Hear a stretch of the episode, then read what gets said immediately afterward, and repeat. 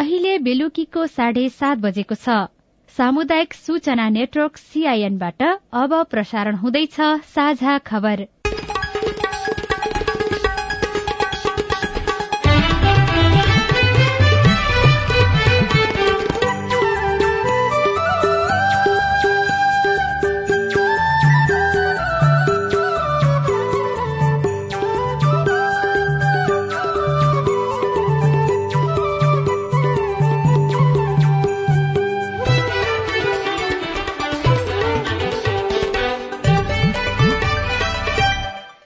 सीआईएनको साझा खबरबाट सोभिता रिसालको नमस्कार। साझा खबर देशभरिका सामुदायिक radio C I N Khabar dot com र मोबाइल एप सीआईएनमा पनि सुन्न सकिन्छ।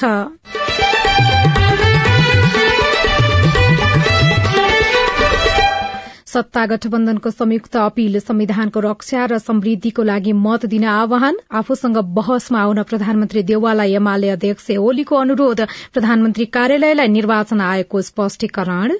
विभिन्न सरकारका विभिन्न निकायहरूलाई पनि आयोगले स्पष्टीकरण सोधेको हो। उम्मेद्वारको लागि खर्चको सीमा निर्धारण अधिकतम तेत्तीस लाख खर्च गर्न पाउने सबै प्रदेशमा निर्वाचन परिचालन समिति गठन गर्ने कांग्रेसको निर्णय। यति सबै समितिहरू अहिले हामीले संयोजक गरेर सात आठवटा कमिटी आठवटा कमिटी बनाएका छौँ। अब त्यसले चाहिँ आफ्नो म्यानेजिबल तरिकाबाट भोलिदेखि आफ्नो काम सुरु गर्छ। चालू आर्थिक वर्षको तेस्रो महिनामा पनि लक्ष्य अनुसार राजस्व संकलन गर्न सरकार असफल। लगानी घटेपछि उत्पादन पनि कम अनियमितता गर्ने उम्मेद्वारलाई कार्यवाही गर्नुपर्नेमा विज्ञहरूको जोड़। अहिले कतै न कतै चाहिँ नि यो यस्तो नेपाल जस्तो तेस्रो मुलुकमा राजनीति गर्ने मान्छेले ब्ल्याक मनी प्रयोग गर्ने गरेका छन् कि भन्ने आशंका छ। र भारत उत्तराखण्डको केदारनाथ नजिकै हेलिकप्टर दुर्घटना हुँदा सातजनाको मृत्यु राष्ट्रिय खेलकुदमा आर्मी चौहत्तर स्वर्ण सहित अग्र स्थानमा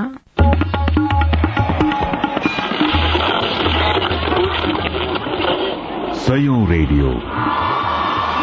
हजारौं रेडियो कर्मी। र करोड़ौं नेपालीको माझमा यो हो सामुदायिक सूचना नेटवर्क सीआईएन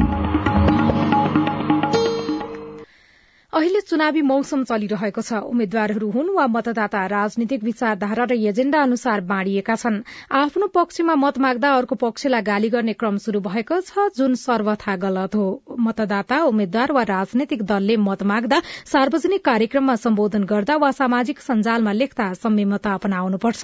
सभ्य र मिठो भाषामा पनि आफ्ना एजेण्डाहरू प्रस्तुत गर्न सकिन्छ भन्ने उम्मेद्वारहरूले बिर्सनु हुँदैन।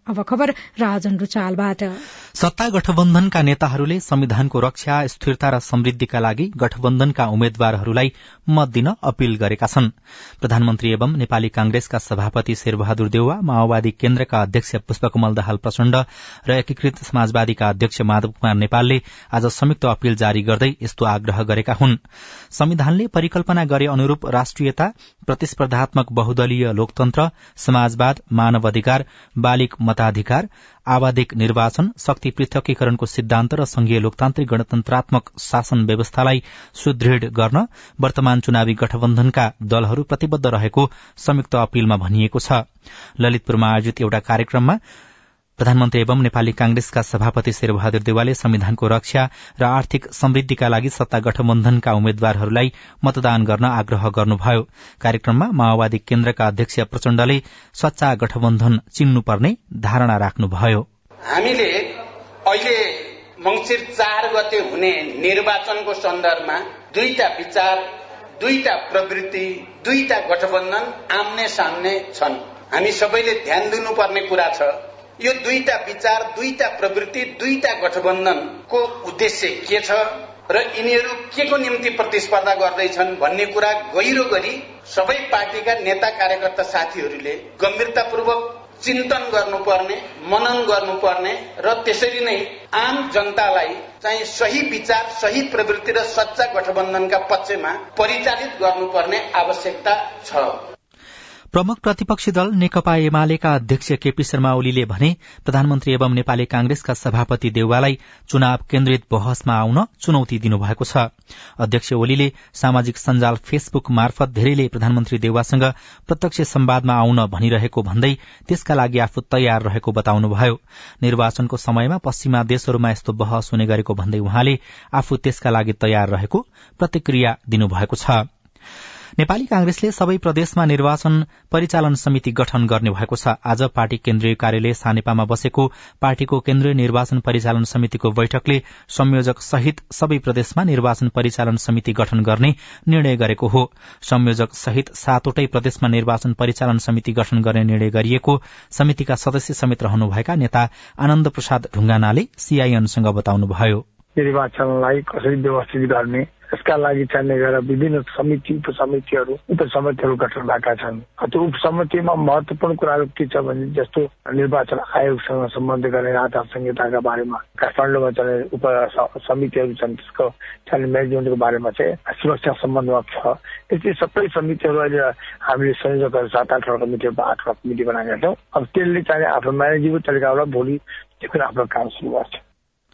बैठकमा समितिका सदस्यहरूले सबै क्षेत्रमा उम्मेद्वारी नदिएकाले समानुपातिक तर्फको मत घट्न सक्ने उल्लेख गर्दै त्यसमा विशेष ध्यान दिएर निर्वाचन परिचालनको काम गर्नुपर्ने सुझाव दिएका थिए।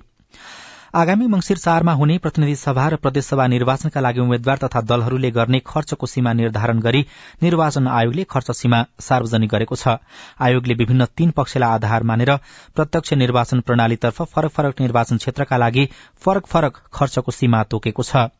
जसमा छब्बीसवटा निर्वाचन क्षेत्रका उम्मेद्वारले तेत्तीस लाख रूपियाँसम्म खर्च गर्न पाउनेछन् भने एकतीस लाखसम्म खर्च गर्न पाउने क्षेत्रहरू बाहन्नवटा रहेका छन्।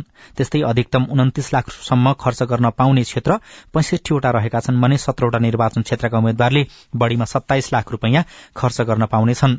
सबैभन्दा कम पच्चीस लाख खर्च सीमा तोकेको निर्वाचन क्षेत्रहरू भने काठमाडौँ जिल्लाका छवटा निर्वाचन क्षेत्र रहेका छन् जसमा एक तीन छ सात आठ नम्बर क्षेत्रहरू रहेको आयोगका प्रवक्ता शालिग्राम शर्मा पौडेलले सीआईएनसँग बताउनुभयो।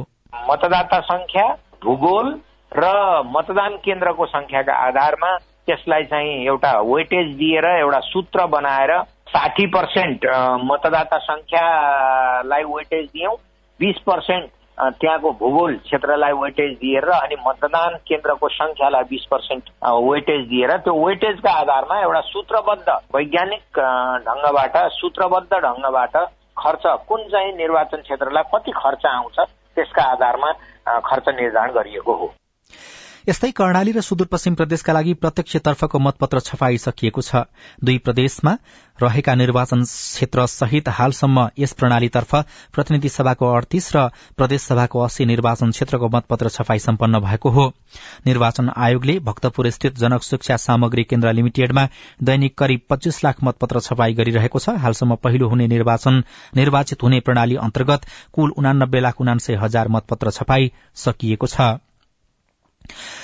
निर्वाचन आयोगले आचार संहिता विपरीत कार्य गरेको भन्दै प्रधानमन्त्री तथा मन्त्री परिषद कार्यालयलाई स्पष्टीकरण सोधेको छ। निर्वाचनको मिति घोषणा भइसकेपछि समेत दीर्घकालीन महत्व र दूरगामी प्रकृतिको निर्णय गरेको भन्दै आयोगले प्रधानमन्त्री तथा मन्त्री परिषद कार्यालयलाई स्पष्टीकरण सोधेको हो। निर्वाचन आयोगले नयाँ स्टक एक्सचेन्ज स्थापनाका लागि अनुमति दिने नेपाल स्टक एक्सचेन्जमा नयाँ ब्रोकरलाई अनुमति दिने प्रदेश तहमा लघु बीमा कम्पनीहरूलाई अनुमति पत्र दिने लगायतका निर्णय गरेको थियो। प्रधानमन्त्री तथा मन्त्री परिषद कार्यालयले पठाउने जवाबका आधारमा आयोगले थप निर्णय लिने आयोगका प्रवक्ता पौडेलले सीआईएनसँग बताउनुभयो। निर्वाचनको लागि आचार संहिता लागू भइसकेपछि अब विभिन्न माध्यमबाट लिखित उजुरी मिडिया होइन त्यसपछि गएर सामाजिक सञ्जाल आम सञ्चार जब विभिन्नबाट लिखित मौखिक रूपमा उजुरीहरू प्राप्त हुने गर्छन् आचार संहिता उल्लङ्घन भयो भनेर। र यस्तो आचार संहिताहरू उल्लङ्घन भएका सम्बन्धमा यो के हो? यस्तो कुरा आयो तपाईँहरूको धारणा के छ यसमा? हो कि होइन? होइन भनेदेखि प्रमाण सहित पेश गर्नुहोस् भनेर यसरी अहिलेसम्ममा करिब तिस बत्तीसवटा संस्थाहरू व्यक्तिहरू उम्मेद्वारहरू राजनीतिक दलका नेताहरूलाई सोधिसकिएको अवस्था छ। त्यसै अन्तर्गत विभिन्न सरकारका विभिन्न निकायहरूलाई पनि आयोगले स्पष्टीकरण सोधेको हो। निर्वाचन आयोगले यसअघि नै निर्वाचनको मिति र आचार संहिता जारी भएपछि दीर्घकालीन प्रकृतिका निर्णय र अन्य नीतिगत निर्णय नगर्न सरकारको ध्यानकर्षण गराइसकेको थियो। यस्तै निर्वाचन आयोगले प्रतिनिधि सभा बाह्र निर्वाचन क्षेत्र नम्बर चारका उम्मेद्वार कृष्ण कुमार श्रेष्ठ किसानलाई स्पष्टीकरण सोधेको छ। आयोगले भक्तपुर निर्वाचन क्षेत्र नम्बर दुईका नेपाली कांग्रेसका उम्मेद्वार दुर्लभ थापालाई पनि चौविस घण्टे स्पष्टीकरण सोधेको छ। चालू आर्थिक वर्षको तेस्रो महिनामा पनि लक्ष्य अनुसार राजस्व संकलन गर्न सरकार असफल भएको छ। चालू आर्थिक वर्षको पहिलो र दोस्रो महिनामा राजस्वको लक्ष्य नभेट्टाएको सरकारले तेस्रो महिनामा पनि लक्ष्य अनुसार राजस्व संकलन गर्न सकेन। चालू आर्थिक वर्षमा चौध खर्ब तीन अर्ब रूपियाँ राजस्व संकलन गर्ने लक्ष्य लिएको सरकारले तीन खर्ब अस्सी अर्ब रूपियाँ पुँजीगत खर्च छुट्याएको छ तर महालेखा नियन्त्रक कार्यालयको तथ्याङ्क अनुसार यो वर्षको तीन महिनामा गत वर्ष भन्दा अठार दशमलव छ पाँच प्रतिशत कम राजस्व संकलन भएको छ। अब विदेशको खबर। भारत उत्तराखण्डको केदारनाथ नजिकै हेलिकप्टर दुर्घटना हुँदा सातजनाको मृत्यु भएको छ। आज दिउँसो केदारनाथको गरूड चट्टीमा हेलिकप्टर दुर्घटना हुँदा पाइलट सहित सातजनाको मृत्यु भएको भारतीय संचार माध्यमले जनाएका छन्। केदारनाथ दर्शनको लागि पुगेका यात्रु लिएर फर्किएको हेलिकप्टर दुर्घटनामा परेको उल्लेख गरिएको छ।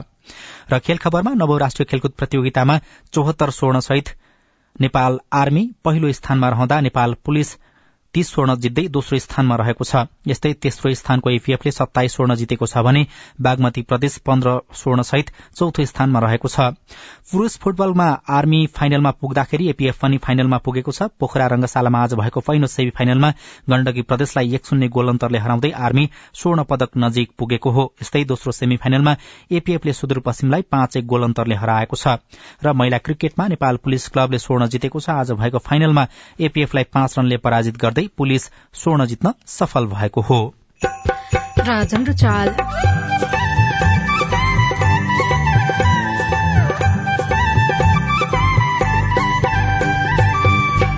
नवलपरासीको गैंडाकोटमा कुखुरा पालन व्यवसाय फस्ट आउँदो।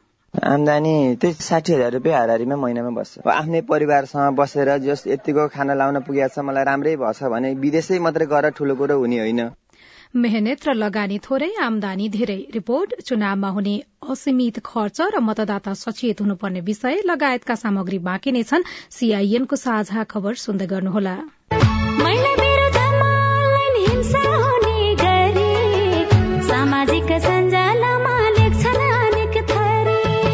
गाली गर्ने चरित्रमा दाग लगाउन खोज्ने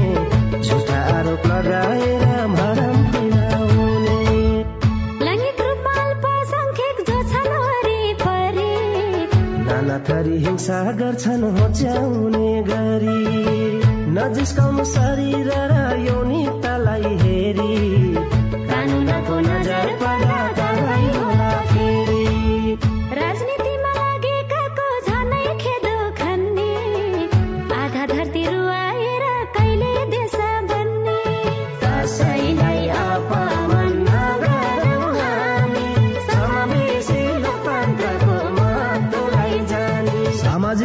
लगायत अनलाइनमा हुने मिथ्या समाचार दुष्प्रचार र घृणा जन्य अभिव्यक्ति कानूनी रूपमा दण्डनीय छ। अनलाइन हिंसा नगरौं र नसहौं। युएसएआईडी र एनडीआई नेपालको आर्थिक तथा प्राविधिक सहयोगमा पर्पल फाउन्डेशनको चेतनामूलक सन्देश। तपाईँले सीआईएनको साझा खबरका मुख्य शीर्षकहरू नेपाल टेलिकमको सिम भएको मोबाइल नम्बरबाट पटक पटक जुनसुकै बेला निशुल्क सुन्न सक्नुहुन्छ। तीन दुई एक शून्य शून्य डायल गर्नुहोस् र दैनिक समाचार स्वास्थ्य कोविड उन्नाइस कृषि मौसम प्रकोप र अधिकारका बारेमा पनि निशुल्क सुन्नुहोस्। तीन दुई एक शून्य शून्य सूचनाको संचार सामाजिक रूपान्तरणका लागि यो हो सामुदायिक सूचना नेटवर्क सीआईएन तपाई सामुदायिक सूचना नेटवर्क सीआईएनले तयार पारेको साझा खबर सुन्दै हुनुहुन्छ। सरकारको स्वास्थ्य बीमा कार्यक्रम अन्तर्गत मध्य प्रदेशका करिब सात प्रतिशत जनसंख्याले मात्रै स्वास्थ्य बीमा गराएका छन्। मध्य प्रदेशका बैसठी लाख जनसंख्या मध्ये चार लाख बाह्र हजार नौ सय चौरानब्बे जनाले बीमा गराएको स्वास्थ्य बीमा बोर्डका मध्य प्रदेश प्रादेशिक कार्यालयका प्रमुख मनोज पौडेलले बताउनुभयो। नेपालमा डेंगी संक्रमणबाट उनपचास जनाको मृत्यु भएको छ। स्वास्थ्य तथा जनसंख्या मन्त्रालयको तथ्याङ्क अनुसार नेपालमा डेंगी संक्रमणबाट यो संख्यामा मृत्यु भएको हो। नेपालका सात प्रदेश प्रदेशका सबै जिल्लाका एकचालिस हजार सात सय त्रिचालिस जनामा डेंगी संक्रमण पुष्टि भएको पनि मन्त्रालयले जनाएको छ। नवलपरासीको गैंडाकोटमा कुखुरा पालन व्यवसाय फस्ट आउँदो अवस्थामा छ। थोरै समय र मेहनत मा मनज्ञ आमदानी हुने भएपछि किसानहरू कुखुरा पालन व्यवसायमा आकर्षित भएका छन्। हेटौँडा आठका गोविन्द आचार्य बिहान सबेरैदेखि राति अबेरसम्म कुखुराको स्याहार सुसारमै व्यस्त बन्नुहुन्छ। उहाँले झण्डै पन्ध्र सय स्थानीय जातका कुखुरा पाल्नु भएको छ। खर्च कटाएर महिनाको साठी हजार रुपियाँसम्म आमदानी हुने आचार्य बताउनुहुन्छ। आमदानी त्यही साठी हजार रुपियाँ हारिमा महिनामा बस्छ। आफ्नै परिवारसँग बसेर जस यतिको खाना लाउन पुगेको छ मलाई राम्रै भएछ भने विदेशै मात्रै गएर ठुलो कुरो हुने होइन। कुखुरालाई आवश्यक पर्ने दाना आफै उत्पादन गर्ने आचार्यलाई व्यवसाय गर्न श्रीमती र परिवारको पनि साथ छ। अहिले हामीले त तिन चार वर्षको अनुभवले गर्दाखेरि सहिलो हुन्छ। दाना दाना उत्पादन पनि हाम्रो मिसिन छ। हामी आफै उत्पादन गरिन्छ र मेटेरियलहरू जम्मा गरेर। काममा लगन भए सफल हुन सकिन्छ। यसैको उदाहरण बन्नु भएको छ गैनाकोट चारका मधु राणाबाट उहाँले तीन वर्ष यता स्थानीय जातको कुखुरा पाल्दै आइरहनु भएको छ। दुई सन्तानका आमा मधुलाई आफै कमाउने सोचले कुखुरा पालन व्यवसायमा जोड्यो। दुई सय बिसवटा चल्लाबाट शुरू भएको व्यवसाय अहिले आमदानीको प्रमुख स्रोत बनेको छ। हो यहीँ बस्ने बच्चाहरू पढाउन नि सजिलो फ्यामिलीसँगै भइन्छ भन्नु भएर चाहिँ त्यसरी प्लानिङ गरेर दुई सय बिसवटामा सुरुमा पाल्पाबाट लिएर आएको चल्ला चाहिँ। कुखुरा पालन कम खर्चमा घरमै बसेर सहज आमदानी गर्न सकिने व्यवसाय रहेको मधुको अनुभव छ। उहाँले अन्डा र कुखुरा बेचेर घर खर्च मात्र चलाउनु भएको छैन भविष्यका लागि बचत पनि गर्नु भएको छ भने एउटा खर्च हुने भनेको जस्तै मैले अब हेजरी गर्न लगाएँ मेरो अन्डामा त्यसको लागि हो एउटा खर्च हुने भनेको। अनि एउटा त्यो चापटलाई मकै खुवाउन अलिकति थोरै भए पनि सेभिङ हुन्छ पछिल्लो समय नलपुरमा फर्म दर्ता गरेरै कुखुरा पालन गर्नेको संख्या बढ़िरहेको छ जसमा स्थानीय सरकारको सहयोगले पनि काम गरेको छ। गैणाकोट नगरपालिकाको पशु सेवा शाखाका डाक्टर प्रमोद कुमार पौडेल। कुखुरा पालन व्यवसायलाई नै बढी महत्वका साथ एउटा चाहिँ दाना मेसिन वितरण कार्यक्रम चलाइरहेका छ नगरपालिकाबाट। यसमा चाहिँ हामीले यस वर्ष पनि पचास स्थान दाना बनाउने मेसिन साझेदारीमा चाहिँ कार्यक्रम सञ्चालन पशुपालन गर्ने पन्छी पालन गर्ने सबै कृषकहरू दाजुभाइ दिदीबहिनीहरूले आहार व्यवस्थापनमा चाहिँ न्यूनतम मूल्यमा आहार व्यवस्थापन गरेर कुखुरा पालन पशु पन्छी पालन गर्न सकियो भने मुनाफा बढी पाउन सक्छौ। कुखुरा र अण्डा बेच्नका लागि बजार अभाव छैन तर बेला बेलामा विभिन्न रोगका कारण किसानले कुखुरा पालनबाट भने जस्तो आमदानी भने अझै पनि लिन सकिरहेका छैनन्। कुखुरा पालक किसानले स्थानीय सरकारबाट सहयोग खोजिरहेका छन्। माया कणेल सीआईएन विजयएफएम नवलपुर साझा खबरमा अब हेलो सीआईएन उसाथा माङबाट नमस्कार म भैरवी गाउँपालिकाबाट। प्रेम थापा बोल्दैछु गत दुई हजार अठहत्तर साल श्रावण पच्चिस गते भैरवी गाउँपालिका दैलेखबाट सेवा करारमा लिने सम्बन्धी सूचना प्रकाशित भएको थियो त्यस विज्ञापनमा मैले पनि सम्पूर्ण प्रक्रिया पुर्याएर चाहिँ दरखास्त दिएको थिएँ एक वर्ष बितिसक्दा पनि यस विज्ञापनको न त परीक्षा भयो न केही छलफल पालिकामा धेरै पटक चाहिँ खबर गरे यो विषयमा छलफल हुँदैछ अथवा हुनेछ भन्ने किसिमको तयारी जवाब मात्र पाए यो विषयमा कहिले छलफल हुन्छ वा राजनैतिक भागबण्डामा चाहिँ कर्मचारी नियुक्ति भइसकेको हो तपाईँको प्रश्न हामीले भैरवी गाउँपालिकाका उपाध्यक्ष देवी भण्डारीलाई सुनाएका छौं। आवश्यकता भन्दा बढी कर्मचारीहरू राख्न नसकिने भएकोले हामीले उहाँहरूको पैसा कार्यपालिकाले अब अहिले अर्थव्यवस्था नहुँदैछौँ यसलाई स्थगित गर्ने भनेर एउटा निर्णय गरेका छौँ हामीले के गरेका छौँ भने उहाँको थप भएको पैसा राजस्वले फिर्ता गर्ने भनेर पनि निर्णय गराइदिएका छौँ र हामीलाई आवश्यकता भनेको आइटी अमिन रोजगार साइटको तिनटाको खोलिएको छ। अब त्यही अनुसारको कोर्डिनेसन हुन्छ होला। नमस्कार मेरो नाम पितामन प्रसाद पौडेल म सिरान्चो गाउँपालिका वार्ड नम्बर चारबाट। अब आउने निर्वाचनमा नेपाल सरकारले अपाङ्गता भएका व्यक्ति कतिवटालाई किन सांसदमा उठाएको छ। कुन कुन प्रदेशमा र कुन कुन जिल्लामा कुन कुन ठाउँमा। यसको लागि सम्बन्धित निकायबाट जानकारी पाउनु पाए म आभारी हुने थिएँ धन्यवाद। जवाफ दिँदै हुनुहुन्छ निर्वाचन आयोगका सहायक प्रवक्ता ऋषिराम भूषाल अपाङ्गताको कति उठेका छन् भन्ने चाहिँ हाम्रो बनाउँदैछौँ हामीले होइन? यो चाहिँ विवरण चाहिँ अहिले अहिले आजको मितिसम्म बनिसकेको छैन बन्दैछ। नमस्कार मेरो नाम ईश्वर खत्री बागलुङ जिल्लाको ताराखोला गाउँपालिकाबाट। अरूको मतदाता परिचय पत्र दुरुपयोग गरी मत राख्ने व्यक्तिलाई कस्तो कारवाही हुन्छ? यो प्रश्नको जवाफ पनि आयोगका सहायक प्रवक्ता ऋषिराम भूषालले नै दिँदै हुनुहुन्छ। त्यस्तो गर्नै पाइँदैन कानूनमा निर्वाचन कसुर तथा सजाय ऐन बमोजिम उहाँलाई त्यस्तो गरिँदा चाहिँ कारवाही हुन्छ। तपाई जुनसुकै बेला हाम्रो आइभीआर नम्बर शून्य एक बान्न साठी छ चार छमा फोन गरेर आफ्नो विचार गुनासो प्रश्न तथा प्रतिक्रिया रेकर्ड गर्न सक्नुहुनेछ। तपाई सामुदायिक सूचना नेटवर्क सीआईएनले काठमाण्डुमा तयार पारेको साझा खबर सुन्दै हुनुहुन्छ। साझा खबर मोबाइल एप नेपाली पात्रोबाट पनि सुनिरहनु भएको छ। बैंकले कर्जामा कडाई गर्दा व्यवसायीलाई अप्ठ्यारो? लगानी बढ्न सकेका छैन निक्षेप बढ्न सकेका छैन। लगानी योग्य पुँजी कम हुनु भनेको त्यसको प्रभाव उत्पादनमा पनि पर्ने भयो व्यक्तिको आयमा पनि पर्ने भयो। लगानी नबढ्दा उत्पादनमा समेत असर रिपोर्ट चुनावमा हुने असीमित खर्च र मतदाता सचेत हुनुपर्ने विषय लगायतका सामग्री बाँकी नै छन्। सीआईएनको साझा खबर सुन्दै गर्नुहोला। रोमा दिदी फेरि चुनाव लागे जस्तो छ नि कताको यात्रा हो? तल चौतारीमा आज सबै पार्टीका अध्यक्षहरू आउने रे। महिलालाई टिकट देऊ भनेर दबाव दिन हिँडेको। भनेपछि महिला उम्मेद्वारको पक्षमा महिलाको र्याली अनि दिदी महिलालाई उम्मेद्वार बनाउन तयार हुन्छन् त पार्टी र पुरुष नेताहरू? संविधानले तेत्तीस प्रतिशत महिला सहभागिता गराउनु पर्ने भनेको छ। त्यसैले अब महिला उम्मेद्वारलाई मतदान गरी जिताउनु पर्छ क्या? अनि महिला नै किन?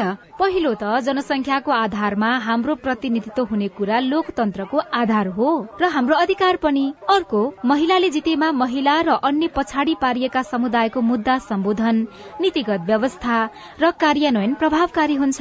सुन्या होला नि जसको सवाल उसकै नेतृत्व। अनि सुन्नु त महिला उम्मेद्वार उठेपछि उनीहरूका घोषणा पत्रमा महिलाका लागि के के विषय राख्ने भन्ने बारे पनि यस्तै खबरदारी गर्नुपर्छ घोषणा पत्रले महिलाको सवाल समेट्न सक्यो भने पो हाम्रा मुद्दा अगाडि आउँछन्। नेताहरू उत्तरदायी हुन्थे र हामी महिलाहरूलाई पनि भोट दिम दिम लाग्छ नि। महिला उम्मेद्वार उठेपछि महिलाका लागि के के कुरा चाहिन्छ भन्ने बारे त फेरि हामीले नै सुझाव दिने हो क्या? आगामी मंगिर चारको प्रतिनिधि र प्रदेश सभा निर्वाचनका लागि संविधानको व्यवस्था अनुसार महिला उम्मेद्वारलाई मतदान गरौं। महिला पुनस्थापना केन्द्र ओरेक नेम्स केयर नेपाल र सामुदायिक सूचना नेटवर्क सीआईएन सामाजिक रूपान्तरणका लागि यो हो सामुदायिक सूचना नेटवर्क सीआईएन तपाई सामुदायिक सूचना नेटवर्क सीआईएनले काठमाण्डुमा तयार पारेको साझा खबर सुन्दै हुनुहुन्छ। कोरोना महामारीको बेला बैंक तथा वित्तीय संस्थामा रकम अभाव हुने अर्थात तरलताको समस्या देखियो। जुन अझै पूर्ण रूपले समाधान हुन सकेको छैन। तरलता अभाव नहुँदा वित्तीय संस्थाले कर्जामा कड़ाई गर्ने गर्छन्। बैंकिङ क्षेत्रमा देखिने तरलता र त्यसले पार्ने प्रभावले समग्र आर्थिक क्षेत्रमा कस्तो असर पर्छ? ब्याङ्किङ कारोबारमा जुन समस्याहरू आएका छन् त्यसले हाम्रो व्यवसाय लगायतलाई एकदम घाटा पुगेको छ। ब्याङ्कले सहजै कर्जा नदिँदा निर्माण व्यवसायी विजय शाहको व्यवसाय नै प्रभावित भएको छ। ब्याङ्कले कर्जामा कड़ाई गर्दा उहाँ जस्ता धेरै व्यवसायीको काम ठप्प भएको छ। यसले गर्दा अर्थतन्त्रको गतिमा पनि प्रभाव पर्न थालेको छ। अर्थशास्त्री डाक्टर चन्द्रमणि अधिकारी। लगानी बढ्न सकेका छैन। निक्षेप बढ्न सकेका छैन। लगानी योग्य पुँजी कम हुनु भनेको त्यसको प्रभाव उत्पादनमा पनि पर्ने भयो व्यक्तिको आयमा पनि पर्ने भयो व्यापारमा पनि पर्ने भयो र त्यसले गर्दा लागत पनि बढाइदिने भयो। ब्याङ्कले पैसा दिँदाखेरि बढी ब्याज लिने भयो हरेक उत्पादनको लागत बढ्ने भयो। त्यस कारण समग्र अर्थतन्त्रलाई सुस्त बनाइदिन्छ मूल्य बढाइदिन्छ। गएको साउनदेखि तरलताको अवस्थामा केही सुधार भए पनि अझै तरलता अभावको समस्या हटेको छैन। गत भदौको तुलनामा असोजमा तरलताको सूचक सकारात्मक देखिएको छ। तर मासिक तुलनामा सहजता देखिए पनि बैंकहरू पूर्ण रूपमा कर्जा लगानी गर्न सक्षम भने भइसकेका छैनन्। तरलता अभावको समस्या समाधान गर्न अब के गर्नु पर्ला? अर्थविद डाक्टर रघुवीर विष्ट। सामान्यतया जनताका या हाम्रो जीवनयापनमा भएका आर्थिक समस्याहरूलाई नै सम्बोधन गर्ने हिसाबमा पूरा गर्नुपर्ने हुन्छ। सैद्धान्तिक रूपमा र व्यावहारिक रूपमा पनि न्यूनीकरण गर्ने र सम्हाल्ने काम हामीले गर्नु आवश्यक छ। सरकार राम्रो हो नीति राम्रो हो कार्यक्रम राम्रो हो भने वित्तीय क्षेत्रमा छाएको जुन अन्धकार छ त्यो हट्दै जाने अवस्था हुन्छ। ब्याङ्किङ क्षेत्रको तरलता अभावको समस्या समाधान गर्न राष्ट्र ब्याङ्कले तीस अर्ब रूपियाँ बजारमा पठायो। तर यो समस्या भने अझै समाधान हुन सकेको छैन। राष्ट्र ब्याङ्कका प्रवक्ता डाक्टर गुणाकर भट्ट। खुला बजार कारोबार गर्ने क्रममा बजारमा तरलता पठाउँछ त्यसलाई तरलता भनिन्छ तरलता प्रवाह गरिरहेको छ राष्ट्र ब्याङ्कले। त्यो नियमित रूपमा गरिरहेको छ। जहाँसम्म बजारको अहिले तरलताको अवस्था छ त्यो तरलताको अवस्था अहिले पनि दबावमै छ। तरलता अभावले वित्तीय प्रणालीमा समस्या निम्त्याउन थालेको छ। अर्कोतर्फ बैंक तथा वित्तीय संस्थाले निक्षेपमा जथाभावी ब्याज दर तोक्न शुरू गरिसकेका छन्।